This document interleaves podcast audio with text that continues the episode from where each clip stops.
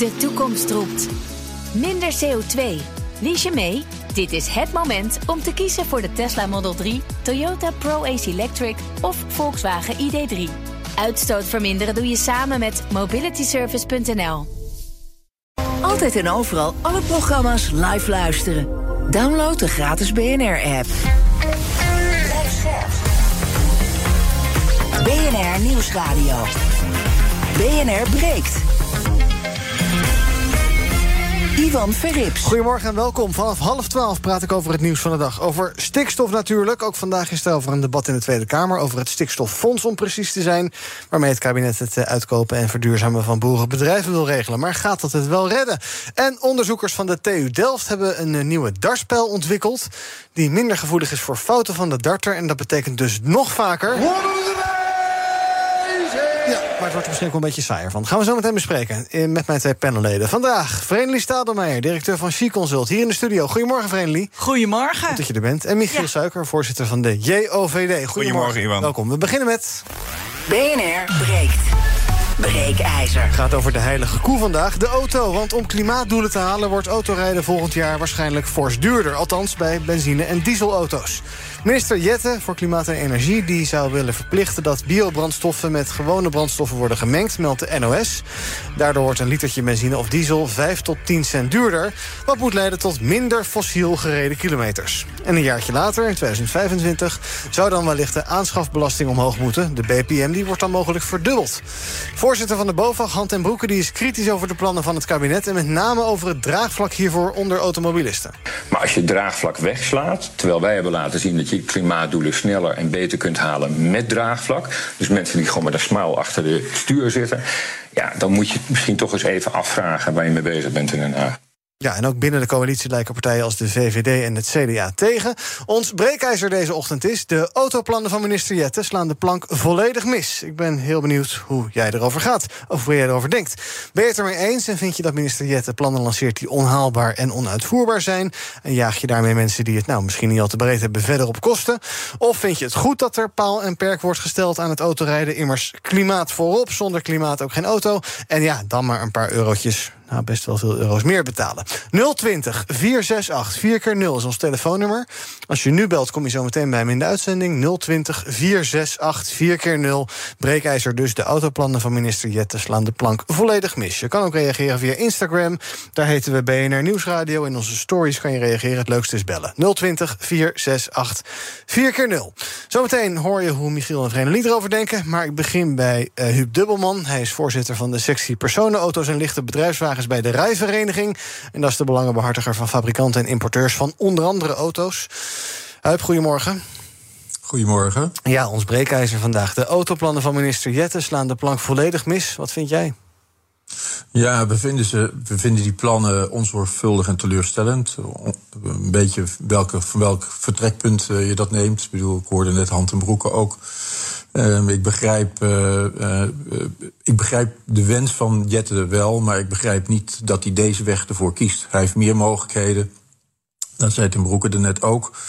We hebben in, een goed overleg met een coalitie waar BOVAG, Natuur en Milieu en dergelijke, en ANWB en VNA in zitten. De leasemaatschappij ja. hebben intensief gediscussieerd over deze thema's. Ze hebben ook allemaal voorgelegd. Het lijkt alsof er niet naar geluisterd wordt. En dat is wat ik dan noem teleurstellend. Ja, als we zo meteen even de, de diepte ingaan, ook, kan je een kleine uh, ja, doorkijkje geven hoe jullie het dan zouden doen? Als je zegt van nou, we moeten inderdaad verduurzamen, daar zal iedereen mee eens zijn. Hoe kan dat beter?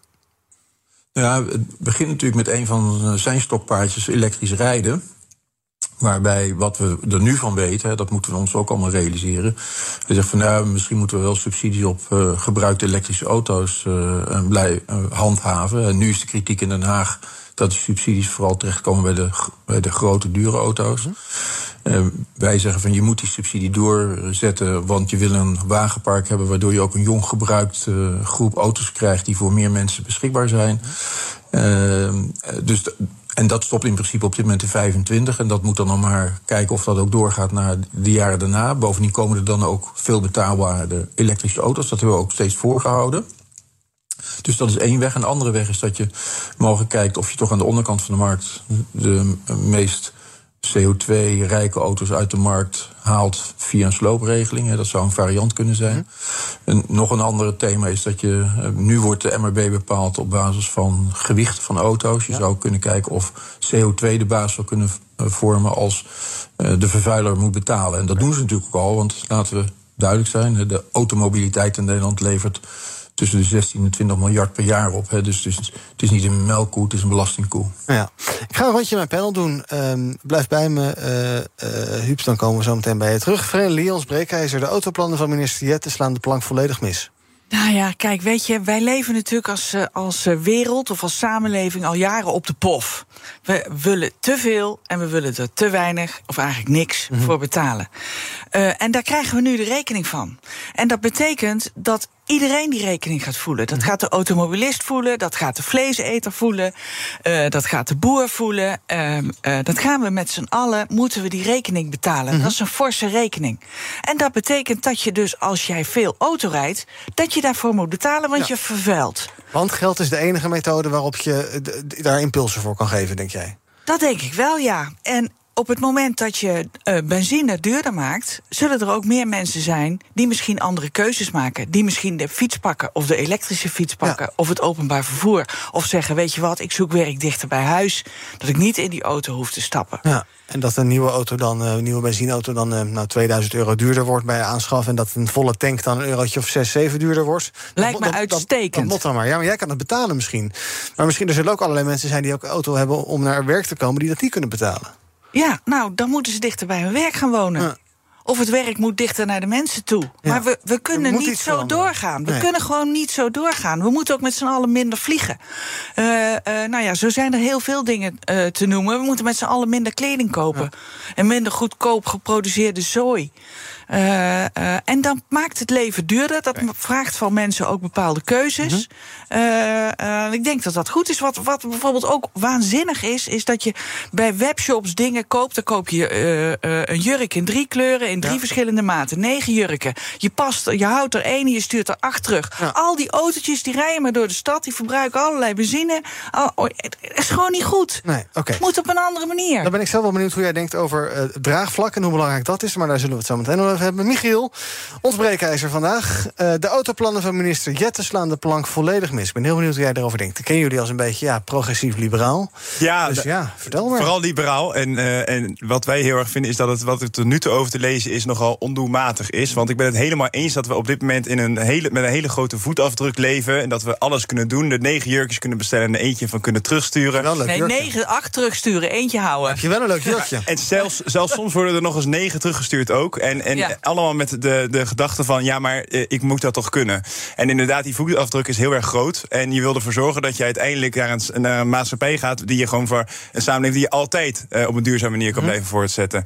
Maar de manier waarop de plannen worden vormgegeven... daar zit niet de gedachte achter waarop ik zou zeggen van... nou, zo zou ik dat willen vormgeven. Want wat je uiteindelijk zou moeten willen...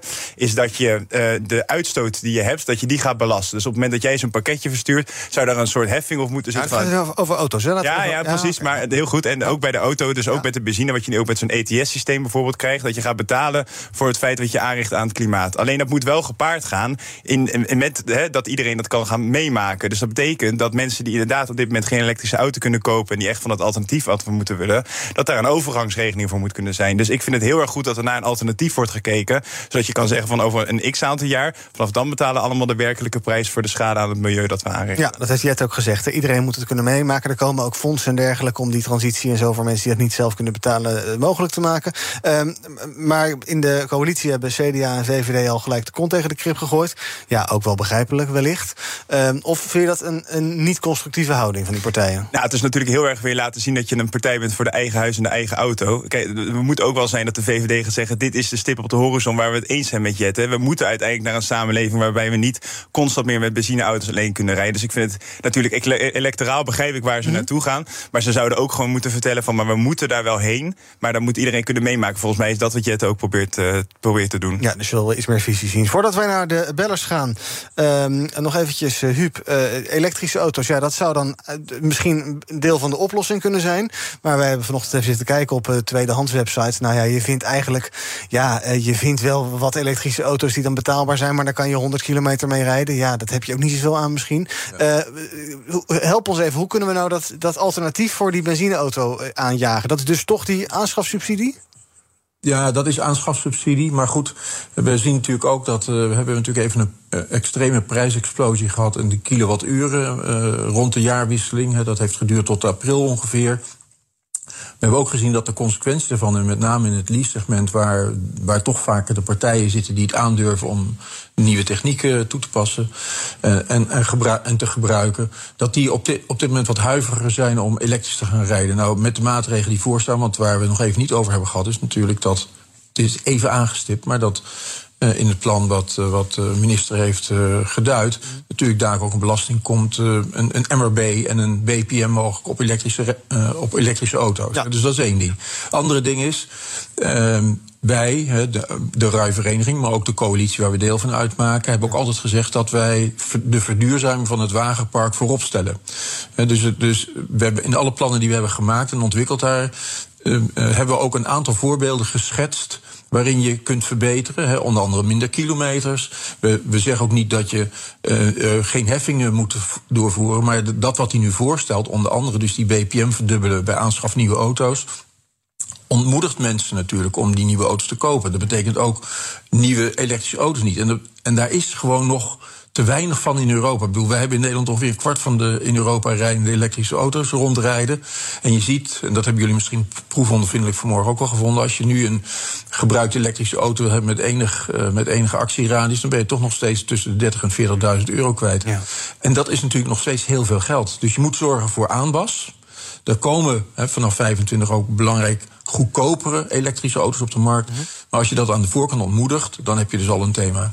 We gaan naar onze bellers. 020 468 4 0 ons breekijzer. De autoplannen van minister Jette slaan de plank volledig mis. Als je wil reageren, nu bellen, dan spreek ik je zo in de uitzending. Marlina, goedemorgen. Ja, goedemorgen. Nou, ik wil even zeggen dat ik het volledig de plank vind misslaan. Ik uh, werk in het onderwijs. Ik kan, betaal nu al om naar mijn werk toe te gaan. Want mijn onkostenvergoeding is uh, minder dan wat ik kwijt ben aan benzine. Hm? Met het openbaar vervoer kan ik niet. Dan moet ik ochtends om kwart over zes op de fiets stappen om uh, bij de dichtstbijzijnde bushalte te zijn. Om dan via met bus, bus en trein op mijn werk te komen. Dus openbaar vervoer is niet mogelijk. Ja. En ik uh, moet bijvoorbeeld ook leerlingen bezoeken die thuis zitten.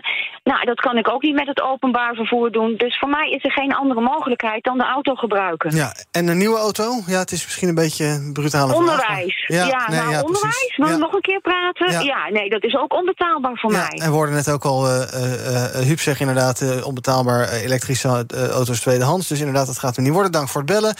Richard, goedemorgen. Hallo, goedemorgen. Hallo, zeg het maar.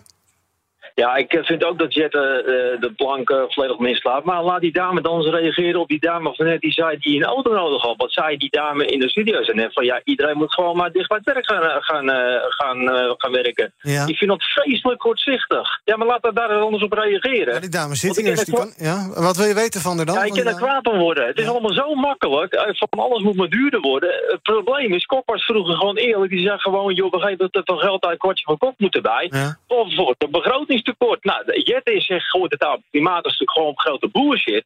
Want het gaat niet over klimaat. Ze, hebben gewoon, geven gewoon veel te veel geld uit. En dus moeten ze wat uh, aan, uh, aan belasting in, inkomen. En dan zal ik nog wat vertellen. Als straks heel Nederland elektrisch is. Wat wordt uh, graag benieuwd naar de, naar de reactie van die dame in de studio... die het allemaal zo goed weet. Nou, mevrouw, mevrouw Stadelmeijer, die het allemaal zo goed weet. Ik ook weet het allemaal zo goed. Ja. Nee, ik weet het niet, maar ik weet wel dat we op de pof leven. En ik weet wel dat dat gewoon niet goed is. Mm -hmm. En dat dat anders moet. Uh, uh, en een van de dingen die echt anders zouden moeten... is inderdaad beter openbaar vervoer. er zou betere huisvestingmogelijkheden moeten komen. Hè. Dus je moet ook, het moet ook mogelijk zijn dat je dichter bij je werk woont... en mm -hmm. dat je niet... Uh, twee uur in een auto moet zitten om op je werk te komen en vier uur in de bus. Ja. dus daar, daar moet wel wat aan veranderen.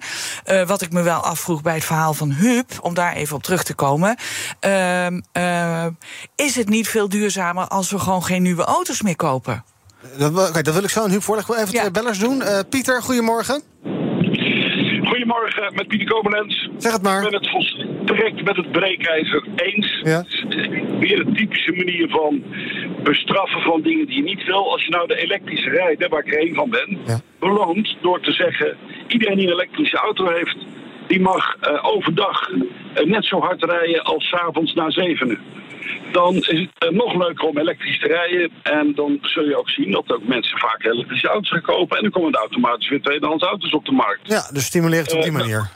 Precies, en de mevrouw die net de lijn was, fijn dat iedereen dichter bij zijn werk moet wonen. Maar waarin? We hadden toch ook iets met huizen, dacht ik. Ja, zeker. Dus dat, dus, dus, dat gedoe dat we geen voldoende huizen hebben en dat iedereen meteen maar weer moet verhuizen, eh, dat is leuk bedacht lange termijn oplossing. Dank voor het bellen, Pieter. Tot slot van het blokje even Jan. Dag Jan, goedemorgen. Ja, goedemorgen, Ivan. Nou, ik ben het ook eens met de stelling. Jette die slaat er volledig de plank mis. Ik denk dat hij de weg uh, kwijt is, om een beetje in de autotermen te blijven. Uh, het is zo dat uh, auto's, elektrische auto's in Duitsland ongeveer 30.000 euro kosten, waar ze in Nederland 50.000 euro kosten. Zo'n beetje hetzelfde modellen auto's. dat betekent dus dat de transitie in Duitsland bijvoorbeeld ook veel sneller gaat. Mhm. dus als je dat wil bewerkstelligen, dan moet je het elektrisch rijden voor een grotere groep mensen uh, bereikbaar maken. Tenzij je eigenlijk wilt dat niemand meer auto rijdt. Dat kan natuurlijk ook een achterliggende gedachte zijn van de D66-politiek op dit moment. Ja, Dus, moet je daar eerlijk, eerlijk over zijn. Dat je moet, precies, ja, Gewoon lekker allemaal thuis blijven, licht uit... en dan uh, je ook niks. Dank voor het bellen, Jan. BNR breekt. Ivan Verrips. Friendly, welke vraag had jij nou ook alweer? Nou, uh, dat, het, dat je moet afvragen of, iedereen, of, of je wel het moet stimuleren dat mensen nieuwe auto's kopen. Want uh, misschien is het wel veel duurzamer, maar dat weet ik niet. Dat is een vraag. hè? Is het veel duur? Maar de vraag ik aan de. Nou, dus, ja. Nee, eh, dat, is een, dat lijkt interessant, maar dat is natuurlijk niet zo als je denkt aan de klimaatdoelstellingen, waarbij CO2 en met name de vermindering daarvan en de, en de omvangrijke vermindering daarvan vooral gerealiseerd moet worden via een rijdend wagenpark, wat op dit moment sterk verouderd is. Het wagenpark in Nederland is ongeveer zo oud als als in Albanië. En met de voorgestelde maatregelen wordt dat nog slechter. Met als uiterste consequentie dat doel, de doelen die op het gebied van klimaat zijn gesteld, zeker voor de, voor de mobiliteit, gewoon absoluut niet gehaald worden. Dus je hebt gewoon keihard eigenlijk al die uh, moderne of en nog toekomstige, en zeker niet alleen elektrische auto's, want ook plug-in hybrids brengen daar een, eh, een, een, deel in mee. Mhm. Heb je gewoon keihard nodig om, uh, om, de, om de doelstellingen te kunnen halen in de nabije toekomst. En de nabije toekomst is natuurlijk over vijf, zes jaar. Uh, en dat, dat maakt uh, deze discussie op dit moment natuurlijk heel grillig. Maar het, het, uh, de, de, de bouw van nieuwe auto's kost ook uh, uh, energie, grondstof. Precies, ja, ja. Vervuilend, uh, stikstof, ja. Ja, ja, maar een, het bouwen van een nieuwe elektrische auto is vele malen vervuilender dan die van een, van een auto met een benzine- of dieselmotor. Laten we mhm. daar even als mhm. vertrekpunt nemen. We moeten, en dat is natuurlijk waar die fabrikanten natuurlijk heel sterk naar kijken ook. Hè, van, van eigenlijk de start van het zoeken naar de grondstoffen tot, tot, het, uh, tot het einde van de inzet van de auto. En het is natuurlijk zo dat de huidige auto's een stuk beter zijn dan die van 20 jaar geleden. Maar uh, als je alleen al kijkt naar wat er op dit moment gebeurt met jonge uh, gebruikte auto's die geïmporteerd worden er worden al meer auto's geïmporteerd, jong gebruikt, dan dat er nieuw verkocht worden als gevolg van die enorme belastingdruk. Dan zie je dat de, de gemiddelde auto die vandaag de dag geïmporteerd wordt, net zo'n CO2-voetdruk heeft als de nieuwe auto die, die in 2012 aan de markt werd toege, uh, naar de markt werd gebracht. Dus die auto is gewoon de helft slechter dan de auto die in 2012, die dus onder andere in die importgroep zit, ehm, op dit moment naar de markt toegebracht wordt. En dat kan nooit de bedoeling zijn. Weet je, als je die scherpe doelstellingen formuleert, waar wij het als RAI ook mee eens zijn, hè, daar wordt ook keihard aan gewerkt om die doelstellingen te realiseren. Dan is niet de weg die Jette nu heeft, min of meer voorzichtig heeft getoetst, de weg om het te doen. En dan staat hij dus de plank mis. Michiel, hoe belangrijk is, uh, is draagvlak in dit verhaal? We hebben natuurlijk gezien, uh, nou ja, er moeten gewoon pijnlijke maatregelen genomen worden op allerlei dossiers. Ja, dat vinden mensen niet leuk. En dus denken partijen aan hun achterban, die denken we gaan gelijk op de rem staan. Ik denk ook eventjes aan de winst van BBB vorige maand. Caroline van der Plas die heeft ook gezegd, ja, we moeten gewoon, mensen moeten gewoon een biertje kunnen blijven drinken en die moeten gewoon kunnen doen wat ze, wat ze leuk vinden. Maar dan ga je natuurlijk nooit iets bereiken, want je nee. altijd, altijd gaat dingen ergens pijn doen. Dus hoe weeg jij dat af? Ja, visie aan de ene kant, draagvlak aan de andere kant waar moet dat nou eindigen? Nou, wat, Los dit probleem even voor me op. Ja, ik wil het probleem hier wel voor jou proberen op te lossen vanuit mijn, uh, mijn visie. En volgens mij is het waar iedereen het over eens is dat we uiteindelijk duurzamer moeten gaan rijden. Dus dat we naar een punt gaan waarin we allemaal elektrisch rijden. Uh, is iedereen hier in de studio en volgens mij die belde is daar gewoon roerend mee eens. Alleen je kan ook niet zeggen dat je vanaf het ene op het andere moment gaat stellen dat iedereen dan nu maar elektrisch moet rijden. Anders moet je daar extra voor gaan betalen. En sterker nog, van een heel mooi voorbeeld dat de, dat de BPM ook dat daar voor elektrische auto's wordt verhoogd. Ja, dat is natuurlijk averechts van wat je wil creëren. Want nogmaals, wat je wil creëren is uiteindelijk voor zorgen dat mensen die milieuuitstoot hebben, dat die worden belast. Nou, dan kan je belasten voor het feit dat, een, dat het duur is en dat het schade aan het milieu is. Maar je kan dat niet verwachten van iedereen om dat in één keer te betalen. Dus het, er zit, een, er zit een, een, vertraging die je nodig moet hebben om uiteindelijk naar het doel te gaan wat je mhm. zou willen. Dus dat betekent ook voor Jette dat hij de, de tijd moet nemen om dat, dat, dat punt te stellen van joh, wij vinden op dit jaartal dat we daar dan moeten zijn. Maar daar zitten nog wel een x aantal stappen voor. Want uiteindelijk snijdt het mes aan twee kanten. Je kan niet zeggen tegelijkertijd wordt iedereen gestraft omdat het dan heel snel duurder wordt. Maar ook verwachten dat niet iedereen uh, de, uh, de elektrische auto gaat pakken. Meneer Huigens, goedemorgen. Ja, goedemorgen.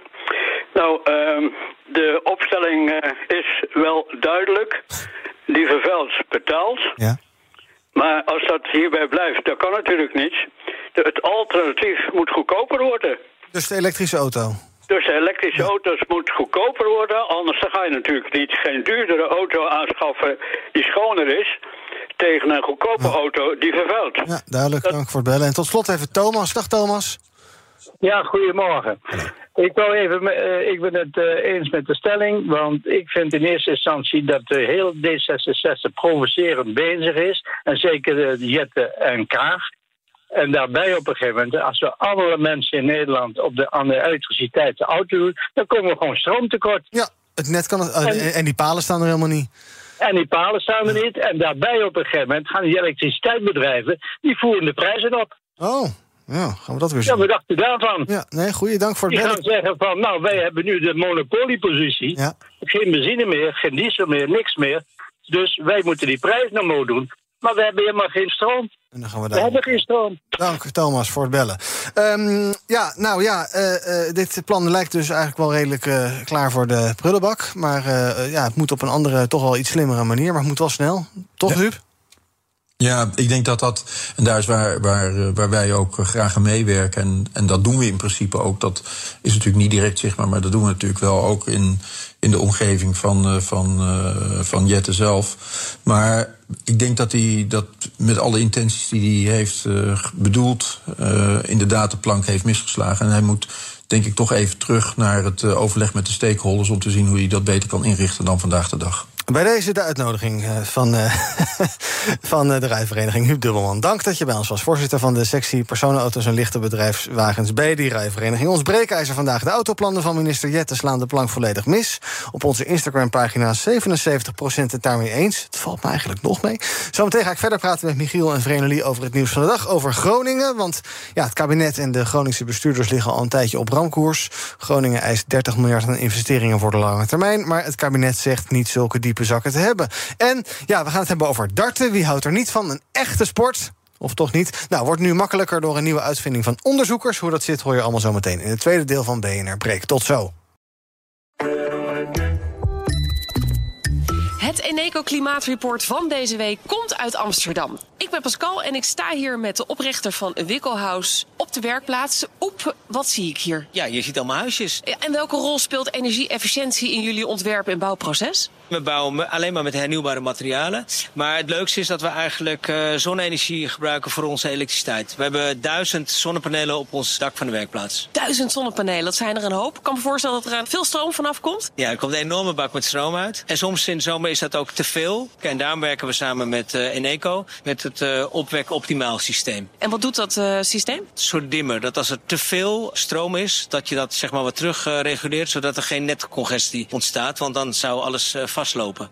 juist de balans op het energienetwerk. Ja, precies. En zo werkt Wikkelhuis samen met Eneco aan klimaatambities. Is het ook iets voor jouw bedrijf? Check dan eneco.nl/slash klimaatambities.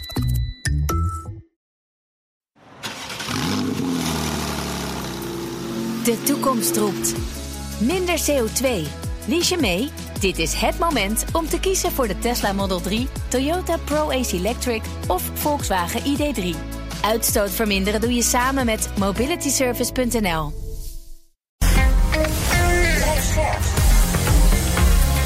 BNR Nieuwsradio. BNR breekt. Ivan Verrips. Welkom terug. In mijn panel vandaag Michiel Suiker, voorzitter van de JOVD... en Vreemdelie Stadelmeijer, zij is directeur van She Consult. En wij gaan praten over het nieuws van de dag. Te beginnen in uh, Den Haag, ja, ik wou zeggen Groningen... maar dat komt zo meteen. Want op dit moment wordt er in de Tweede Kamer gesproken... over de plannen voor het stikstoffonds. Het debat is net vijf minuutjes bezig... waarmee het kabinet eh, boerderijen wil gaan ja, verplaatsen, verduurzamen... of in uiterst geval uitkopen als het gaat om de stikstofreductie. Um, ja, hoeveel geld komt er eigenlijk in dat speciale stikstoffonds terecht? 24 miljard uh, zou erin moeten komen. Maar ja, komt het fonds er eigenlijk überhaupt wel? Gaat uh, het kabinet over links of over rechts? Allerlei vraagtekens en vooral heel veel onzekerheden. Want ja, dat hele stikstofbeleid valt of staat wel met dat fonds. Als dat fonds er niet komt, dan valt er ook weinig te doen. Um, Michiel, als jij een beetje kijkt naar het uh, politieke landschap... wat verwacht jij dan? Oh, ik denk uiteindelijk dat er in de Tweede Kamer een meerderheid is. Omdat uiteindelijk de, de coalitiepartners dit nu hebben afgesproken. En de, zolang het niet uiteindelijk is, de, wordt aangenomen, is er voor het CDA geen probleem. Dus de, de, uitkomst voor de Tweede Kamer staat denk ik wel vast. Mhm. Het gaat natuurlijk straks om de Eerste Kamer. Het hele probleem is natuurlijk, en daar heb ik heel veel begrip voor, zowel Partij van de Arbeid als BBB en, uh, en GroenLinks. En iedereen die daar een steun aan zou moeten geven, is dat het, het kabinet negeert het probleem. Terwijl het eigenlijk zou moeten regeren. En en dat, dat vraagt gewoon dat je gaat zeggen nou, op deze manier gaan we het doen. En op deze manier zou moeten zijn, we gaan gewoon aan de slag. Hè. Mhm. we, we, houden Heeft op. het gezegd laatst? Ja, alleen nu staan we toch weer met elkaar de discussie vandaag te voeren. Dat, ga ik je namelijk ook op een briefje schrijven. Dat we het gaan hebben over 2030 of 2035. Of dat we het gaan hebben over verplichte uitkoop of niet. Terwijl er heel veel uh, initiatieven zijn met mensen die aan de slag zouden willen. Uh, om echt iets te gaan doen. Dus je moet op een gegeven moment echt ook als regering gaan zeggen. Nou, we, maken er een onwijs een puinhoop van. Nou, dat, dat wordt al niet gezegd, maar dat is natuurlijk wel zo. En iedereen erkent dat. Maar er is een wijze pijnhoop. We vinden toch dat we wat moeten gaan doen. We zijn zelf te laks en, te vertragend om ervoor te zorgen dat we een partij als het CDA kunnen meenemen in, hoe we dat gaan doen. Maar we gaan nu gewoon beginnen met de eerste mensen die wel wat willen doen uh, aan de slag. En we gaan zelf nu gewoon binnen, en binnen een, een, aantal weken, want ze doen wel alsof het allemaal rond de zomer pas hoeft, maar het moet nu al. Mhm. En met een oplossing komen hoe wij vinden dat het zou moeten. En hoe wij uiteindelijk vinden dat we zo snel mogelijk de natuur gaan herstellen. Want hoe langer je wacht, uiteindelijk hoeveel veel meer mensen ontevreden gaan worden. Ja, en jij zegt uh, um, PvdA, GroenLinks hebben bezwaren, BBB hebben bezwaren. Dat zijn misschien inhoudelijk gezien anders bezwaren, maar je hebt voor beide kanten wel begrip. Ja, beide kanten zeggen gewoon dat ze een plan willen zien. Dus de, de, de, de, Partij van de Arbeid en GroenLinks die zeggen, ja, wij willen een, een ambitieus plan hebben waarin 2030 ook als, als streven wordt gegeven. Nou goed, daar ben ik het dan he, opnieuw wat ik zeg. Dat zou niet de discussie moeten zijn. Mhm. Volgens mij is de discussie gewoon, je moet zo snel mogelijk wat gaan doen. En BBB die begint over dat er, dat er een perspectief moet liggen voor boeren dat ze ook weten wat ze kunnen gaan doen. En heel belangrijk, dat er ook mogelijkheden tot innovatie zijn. Nou, die twee verschillen zeggen eigenlijk één ding. En dat is, er moet wat gaan gebeuren. En dat is nu zo onduidelijk. Uh, en daar kan ik sympathie met allebei voor opbrengen. Ja, eigenlijk uh, snap je. Uh, want de vraag is ook een beetje: gaat het kabinet nou over links of gaat het kabinet over rechts? Maar eigenlijk snap je allebei de kanten wel. Je zou het allebei moeten willen verwerken. Ja, weet je, en er moet gewoon duidelijkheid komen. Dat is eigenlijk wat iedereen wil. Iedereen zegt ook tegen het kabinet: schiet nou toch eens op. Uh, hou op met praten over 2030, 2035. Come on, mhm. laten we wat gaan doen. Er zijn allerlei initiatieven. Er zijn, eh, precies wat jij ook zegt, er zijn mensen die echt, echt wel willen. Dus aan de slag. Ophouden met praten, doen. Ja, nou Gewoon helderheid geven. Iets wat hallucinante persconferentie of op vrijdagavond laat, anderhalf, twee weken, drie weken geleden gezien. Met Rutte die zei: ja, we gaan versnellen. En later gaan we dan, als het CDA dat wil, heronderhandelen over dat jaartal. Heb jij van dat versnellen iets gezien? is dat een dat is je antwoord hierop. Retorische vraag, ja, precies. Oké, dat hoeft dus niet. Ja. Heb jij van het versnellen iets gezien? Ik heb, uh, ik heb er niks van gezien. Oh. En de, de, ik, ik, zou me echt, ik zou me echt kapot schamen. Uh, en, en ik zou echt me, me als, als politieke leiding... en dus als, als aanvoerder van de regering Mark Rutte... zou ik me echt kapot schamen. Hoe kan het trouwens dat het niet lukt met dat versnellen? Waarom loopt deze car zo gigantisch in de stront? Als we dan echt de inhoud over gaan... zijn er een paar dingen die ze heel graag zouden willen doen... om mee te beginnen. Dat is namelijk vrijwillige uitkoop. Dat zien ze echt als de heilige graal. En het probleem daarbij is, en ja, je, je gelooft het niet... maar daar ligt Brussel dus ook in de weg. Want uh, staatssteun zou eventueel om de hoek kunnen komen kijken... op het moment dat je boeren gaat uitkomen. En staatssteun is ook in, uh, in Nederland verboden. En in Europa, in de EU is dat verboden uh, om te doen. Dus ze willen eerst ook toestemming hebben om boeren uit te mogen kopen. Vervolgens dat ze dat pas kunnen gaan doen.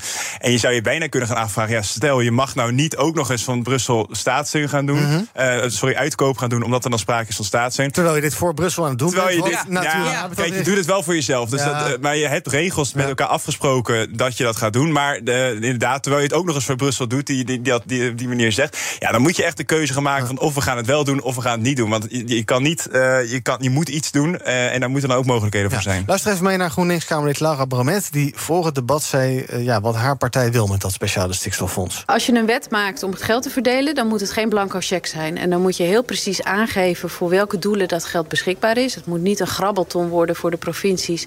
waar ze allerlei uh, projectjes uit kunnen financieren... die niet bijdragen aan een beter klimaat of aan een betere natuur... en aan uh, schoon water. Ja, vrees voor een grabbelfonds, uh, grabbelfonds voor mij dan. Grabbel, grabbelton. Friendly, waarbij iedereen maar wat gaat doen. En ook allerlei kabinetten, of allerlei provincies hebben allerlei claims neergelegd in Den Haag. Wij hebben zoveel nodig, wij hebben zoveel nodig. En ja.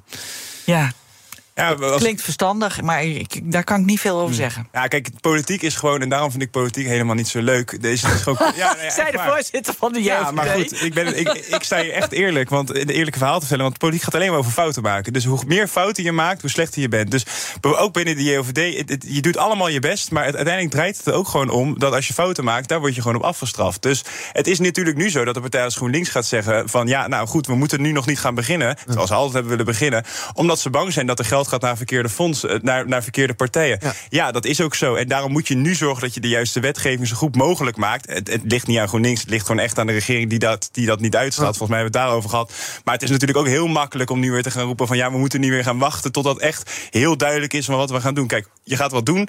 Ik ga je nu vertellen van die 24 miljard, dan ga je de 2 miljard ga je kwijtraken. En een of andere, uh, wie hadden we ook weer, uh, Siebert van, uh, van Ja, precies. er gaat altijd geld over, de, over de rand klotsen. En dat, is, dat is het falen van de regering. Dus die moet, die moet hand in eigen boezem steken dat zij zijn verantwoordelijk dat die 2 miljard nu kwijtgeraakt gaat worden. Want als ze een goed plan hadden gehad, dan was het veel minder geweest. Maar ik ben wel dat ik denk van, goh, we zitten nu zo lang te wachten. Laten we nou maar gewoon eens gewoon echt aan de slag gaan. En dan maar accepteren, dankzij deze regering, dat er ook gewoon een gedeelte uh, verloren gaat van het geld. Nou. En je mag ook vertrouwen hebben in de provincies. Je mag ook vertrouwen hebben dat die uh, uh, dat op een goede manier kunnen toewijzen. Ja. Ik bedoel, dus dat, dat, dat zijn ook professionals. Ja, maar ja, je, heb je vertrouwen in je provinciehoofdstad als je ziet wat er in Den Haag gebeurt?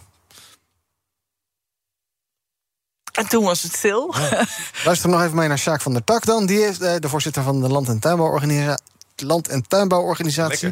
Dank je. Die heeft al een rekensommetje gedaan. Wij hebben al een keer becijferd in een ander voorstel, twee jaar geleden al, met het landbouwakkoord in mijn achterhoofd, hebben wij 8 tot 10 miljard nodig voor onze boeren om die transitie, die stikstofemissiereductie te doen. Maar ook sprake is dat er dan vraagstukken rondom grond worden opgelost, rondom mest en ook rondom het verdienvermogen van de boer. Nou, we gaan het zo meteen nog hebben over 30 miljard. Maar uh, deze 34 miljard even snel regelen, dan uh, aan de slag. Nou ja, de 34 miljard wordt steeds meer met jou, Jan. Maar het blijft oh, 24, steeds... sorry. 24, ja. ja. goed, met dat geld gaat het nog sneller. Ja. Maar uh, dit, dit, dit, inderdaad, aan de slag. Okay, mooi zo. Ja. De toekomst roept. Minder CO2. Lies je mee? Dit is het moment om te kiezen voor de Tesla Model 3, Toyota Pro-Ace Electric of Volkswagen ID3. Uitstoot verminderen doe je samen met mobilityservice.nl. Ik ben Sylvia van Solft. Betaalt u te veel huur of huurt u te veel kantoorruimte? Solft heeft de oplossing. Van werkplekadvies, huuronderhandeling tot een verbouwing, wij ontzorgen u. Kijk voor al onze diensten op soft.nl. BNR Nou, van die 24,3 dus naar die 30 miljard. Er zit een grote kloof tussen wat Den Haag wil en de wensen van de Groningers. Bleek nadat premier Rutte, staatssecretaris Mijnbouw Velbrief met de Groningse commissaris van de Koning René Paas urenlang hebben vergaderd gisteravond. Twee maanden geleden kwam die parlementaire enquête uit. En die, daar bleek ja, dat die gaswinning jarenlang dat, dat toch wel rampzalig is geweest. Zeker voor die provincie. En daarom uh, hebben ze het dus over de conclusies. Waarin onder andere stond dat wij een ereschuld hebben richting Groningen. Dat er ruimhartig gecompenseerd moet worden. Gisteravond dus dat overleg. Commissaris van de Koning René Paas zei dit. Het was een lang en stevig en ook wel taai overleg. Kijk, het kabinet weet al wekenlang wat wij vinden dat een geloofwaardig antwoord op het rapport van de parlementaire enquêtecommissie is. Uh, het kabinet heeft vandaag aan ons laten zien. Dit is wat wij in gedachten hebben. Daar zit nog wel een serieus gat tussen. Heeft u vertrouwen in dat het gat gedicht gaat worden? Uh, dat durf ik niet te zeggen. Ik ben er niet van overtuigd dat het goed komt. Nee, nou, ik moet even denken. Landbouwakkoord op uh, uh, losse schroeven. Stikstof een onhandig dossier. Dit een onhandig dossier. Velbrief zei nadat hij gisteravond vertrok uit het provinciehuis... dat over het hele palet gepraat is. Schade, versterking, economisch perspectief, welzijn in de regio. En het overleg is dus nog niet klaar. Ja, lijkt een soort getouwtrek te worden. ruimhartige compensatie, dan zou je zeggen 30 miljard. Nou, dat is een schijntje met wat het opgeleverd heeft. Laten we dat gewoon doen. Of moet je dan ook even goed toch wel kijken op de euro nauwkeurig. Waar komt dat terecht? Waar geven we dat dan uit? Zorgvuldig? Nee. Zuinig? nee, echt niet. Nee, kijk, je, er zijn twee dingen. Conservatief. Die gaan vaak door elkaar. De, je hebt enerzijds heb je het feit dat, dat Groningen een economisch gestimuleerd moet gaan worden wegens die schuld die we hebben, die ereschuld. En daarvoor betekent gewoon dat we nu gewoon moeten zeggen: we gaan investeren in Groningen. Volgens mij, wat je nu ook hoort, is ook wel een beetje het onderhandelingsspel. Dus ze zeggen wat verder uit elkaar en ze komen op een middenpunt. Hartstikke mooi. Hopelijk duurt dat niet ook nog een keer drie jaar Volgens mij kunnen ze daar prima met eh, een beetje of twee uit zijn. En dan vervolgens kan daar dat economisch herstel in, in plaatsvinden. En dan heb je ook nog, hè, want dat moeten we niet vergeten, ook nog de afstand tussen uh, de Randstad en uh, de provincie op dit moment. En daarvoor moet je, of de uh, platteland, of hoe je het ook tegenwoordig nog wel aankaarten. Pas op wat je zegt, hè? Ja, daarom. Ja, anders wordt je gecanceld wordt. Ja, Ian, het is BNR breed kan ook gevaarlijk zijn voor mij. En, ehm, maar goed, terug tot het punt dat je wil ook zorgen dat uiteindelijk de afstand tussen de Randstad en de, en de provincie dus kleiner wordt. Dat betekent dus ook dat je moet gaan investeren in goed treinverkeer, et cetera. Maar dat staat nog helemaal los, vind ik, van de ereschuld die je hebt naar Groningen op zichzelf. Dan gaan we kijken naar wat jullie is opgevallen in het nieuws vandaag en de afgelopen dagen. En Vereniging, ik begin bij jou. Ja. Jij was gisteren aanwezig bij de Algemene Ledenvergadering van Diëtisten. Ja, het uh, jaarcongres. maakte daar iets mee waarover je wil vertellen. Ja. Dat mag je nu uh, Bij het jaar, jaarcongres van de Nederlandse Vereniging van uh, Diëtisten. Hè. En zoals je weet ben ik in Nederland expert over het impostersyndroom. Hè. Het Driegerscomplex, ja. gaat over zelfvertrouwen. daar gaat ook mijn boek over, functieonzekerheid. Ik was gevraagd om daar wat over te vertellen. Hè. Want dat impostersyndroom komt voor bij 70% van de vrouwen, 30% van de mannen. Ja. En diëtetiek wordt natuurlijk met name bevolkt door vrouwen. Dat zag je in de zaal ook, heel veel vrouwen. Maar dat geldt eigenlijk voor alle paramedische beroepen. Hè? Ook logopedie, fysiotherapie, ergotherapie. En al deze uitoefenaars van deze beroepen hebben gemeen. Voor fysiotherapie geldt misschien net iets minder. dat ze moeite hebben om gezien te worden. Met name door de verwijzers, door de artsen. En die artsen die zijn universitair opgeleid. Paramedici zijn HBO opgeleid. En dat maakt dat die paramedici zich vaak ten onrechte minder voelen dan artsen. Ja. Uh, en dan zijn het ook nog vrouwen die die taken uitvoeren. Dus dan, dan gaat dat zelfvertrouwen gaat gewoon daar echt een rol uh, in spelen. En we weten natuurlijk dat voeding onwijs belangrijk is. Mm -hmm. dat, dat, uh, dat gaan we steeds meer, uh, meer zien. Dus Als je kijkt naar de percentages obesitas, dan... Uh, hè? Bijvoorbeeld, ja. maar ook bij herstel van ziekte. En zo is, is, is voeding gewoon ongelooflijk belangrijk. En ik kwam echt... De voorbeelden die tijdens dat congres ook werden genoemd... zijn echt gewoon schrijnend, weet je. Een internist die een leefstijlpolie gaat opzetten... denk je, nou, hartstikke goed, hè? Ja. Top, top, top. Maar die vergeet dan gewoon de diëtetiek erbij te halen. Hè? Of een arts die aan het bed van de patiënt... het voedingsadvies van de diëtist af en tegen die patiënt zegt: Ach joh, weet je, je moet gewoon lekker eten wat je lekker vindt. weet je? Hè? Nee. Dus man die ernstig zieker is, hè? of de kapper die voedingsadvies gaat geven. Weet je, hoe onzinnig is het? Hè? Mm -hmm. Nou, dus ik heb daar een verhaal gehouden over uh, dat je gewoon voor jezelf op moet komen, ruimte moet innemen, zichtbaar moet zijn. En toen kwam na de hand een vrouw naar mij toe en die zei: van ja, weet je, je hebt gewoon helemaal gelijk. Ik ben er zo klaar mee dat ik iedere keer vergeten word. Ik ga er nu wat aan doen. Ik heb net de voorzitter van de instelling geappt dat ik deze week met hem wil praten. Het moet gewoon anders. Voeding is zo essentieel. Ik kan mijn werk niet doen als ik iedere keer overal achteraan moet hollen. Mm -hmm. En er was er nog één, dat vond ik ook een hele mooie. Die kwam naar me toe en die zei: Ik ben het zo zat. Al die influencers die allemaal van die onzinnige, gevaarlijke voedingsadviezen de wereld in slingeren. Hè. Dat is gevaarlijk voor mensen, gevaarlijk voor het aanzien van ons eh, vak. En ik ga er nu wat aan doen. Ik ga kijken hoe we hier een tegengeluid uh, kunnen laten horen en hoe we dit op de agenda kunnen krijgen, zodat het ook gewoon verboden wordt dat mensen die er niks van af weten, gewoon maar voedingsadvies gaan geven. Dus je hebt in ieder geval twee mensen wakker geschud, minstens. Zo wordt de wereld toch een beetje beter. En uh, bottom line, ja, onderschat jezelf niet. Precies. En, sta borst vooruit. Ja. Exact, precies. Precies. En je, nou. je, je doet ertoe Precies. En onderschat je ze? Nou ja, dat ja, ja, ja. en claim je ruimte, claim je positie. En uh, je hebt een prachtig vak en uh, uh, maakt de wereld een beetje beter. Ja, wij, wij zien dat zelf ook bij de JOVD. Als je kijkt naar. Ik, ik, zit in een, in een bestuur met, met acht mensen, waarvan één vrouw bijvoorbeeld. Dus dit, kan je dit ook in terugzien. En letterlijk zie je gewoon dat, dat vrouwen zich ook dan eerder de gedachte hebben van: oké, okay, er zal wel iemand anders zijn en die dat alweer beter kan dan ik. Ook dat imposter syndroom volgens mij. En dan vervolgens moet je juist die ruimte geven om iedereen uiteindelijk dezelfde kans weer te geven. Ook om weer die plek te krijgen voor ons. Dus ik zou eigenlijk willen zeggen: ben je vrouw en onder de 31, word lid van de JOVD. Oké, okay, dan stuur ik even een factuurtje voor reclame. Dankjewel. En misschien moeten jullie even nummers uitwisselen. Dan kan je nog een keer langskomen bij de JOVD. Michiel, waar wil jij het over hebben? Ja, ja god, dan gaan we naar een serieus onderwerp. Want, uh, nou ja, oh, oh, oh, wat zeg je nou? Wat is dit voor toxic opmerking? Even die flauwekul van die vrouw achter ons laten. We gaan het hebben over mannen dingen. Vertel. Ja. Gelukkig krijg je rode warretjes. Ja, ja, ja, ja. Ik bedoelde eigenlijk te zeggen dat ik van een lachende sfeer... Dit wordt niet meer goed. Van een lachende sfeer naar een serieus verhaal gaan. Iwan, um, ja, we hebben tegenwoordig ook nog met een ander probleem te maken waar we het vandaag niet over hebben gehad. En dat is uh, het uh, probleem met betrekking tot migratie. Oh ja. Want we lopen tegen eigenlijk een, een eindeloos probleem aan. Waarbij uh, wordt geroepen dat er heel veel werk wordt gemaakt van het verlagen van de asielinstroom. Maar feitelijk zien we nog helemaal niks gebeuren. En iemand als Erik van den Burg waardeer ik heel erg voor wat hij doet. Maar feitelijk zie je gewoon dat de asielinstroom nog steeds heel erg hoog is. En daar wordt niet op een eerlijke manier verteld wat nu eigenlijk, waarom dat niet lukt. Er zijn heel veel mogelijkheden.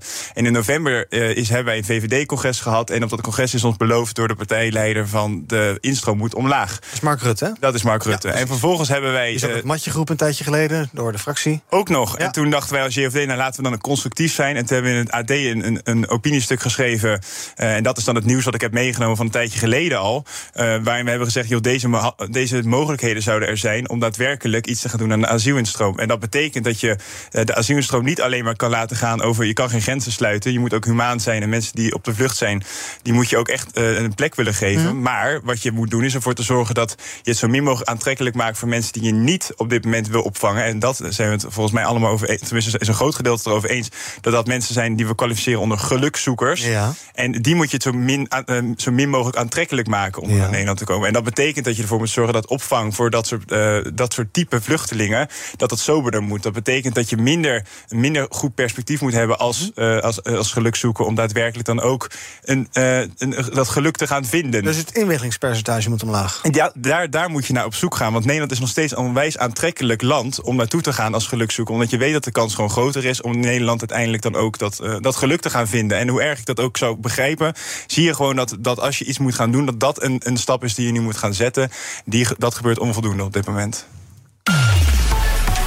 Kijk voor nog, nu even echt belangrijke dingen. Kijk we nog even naar eh, de socials, wat er trending is.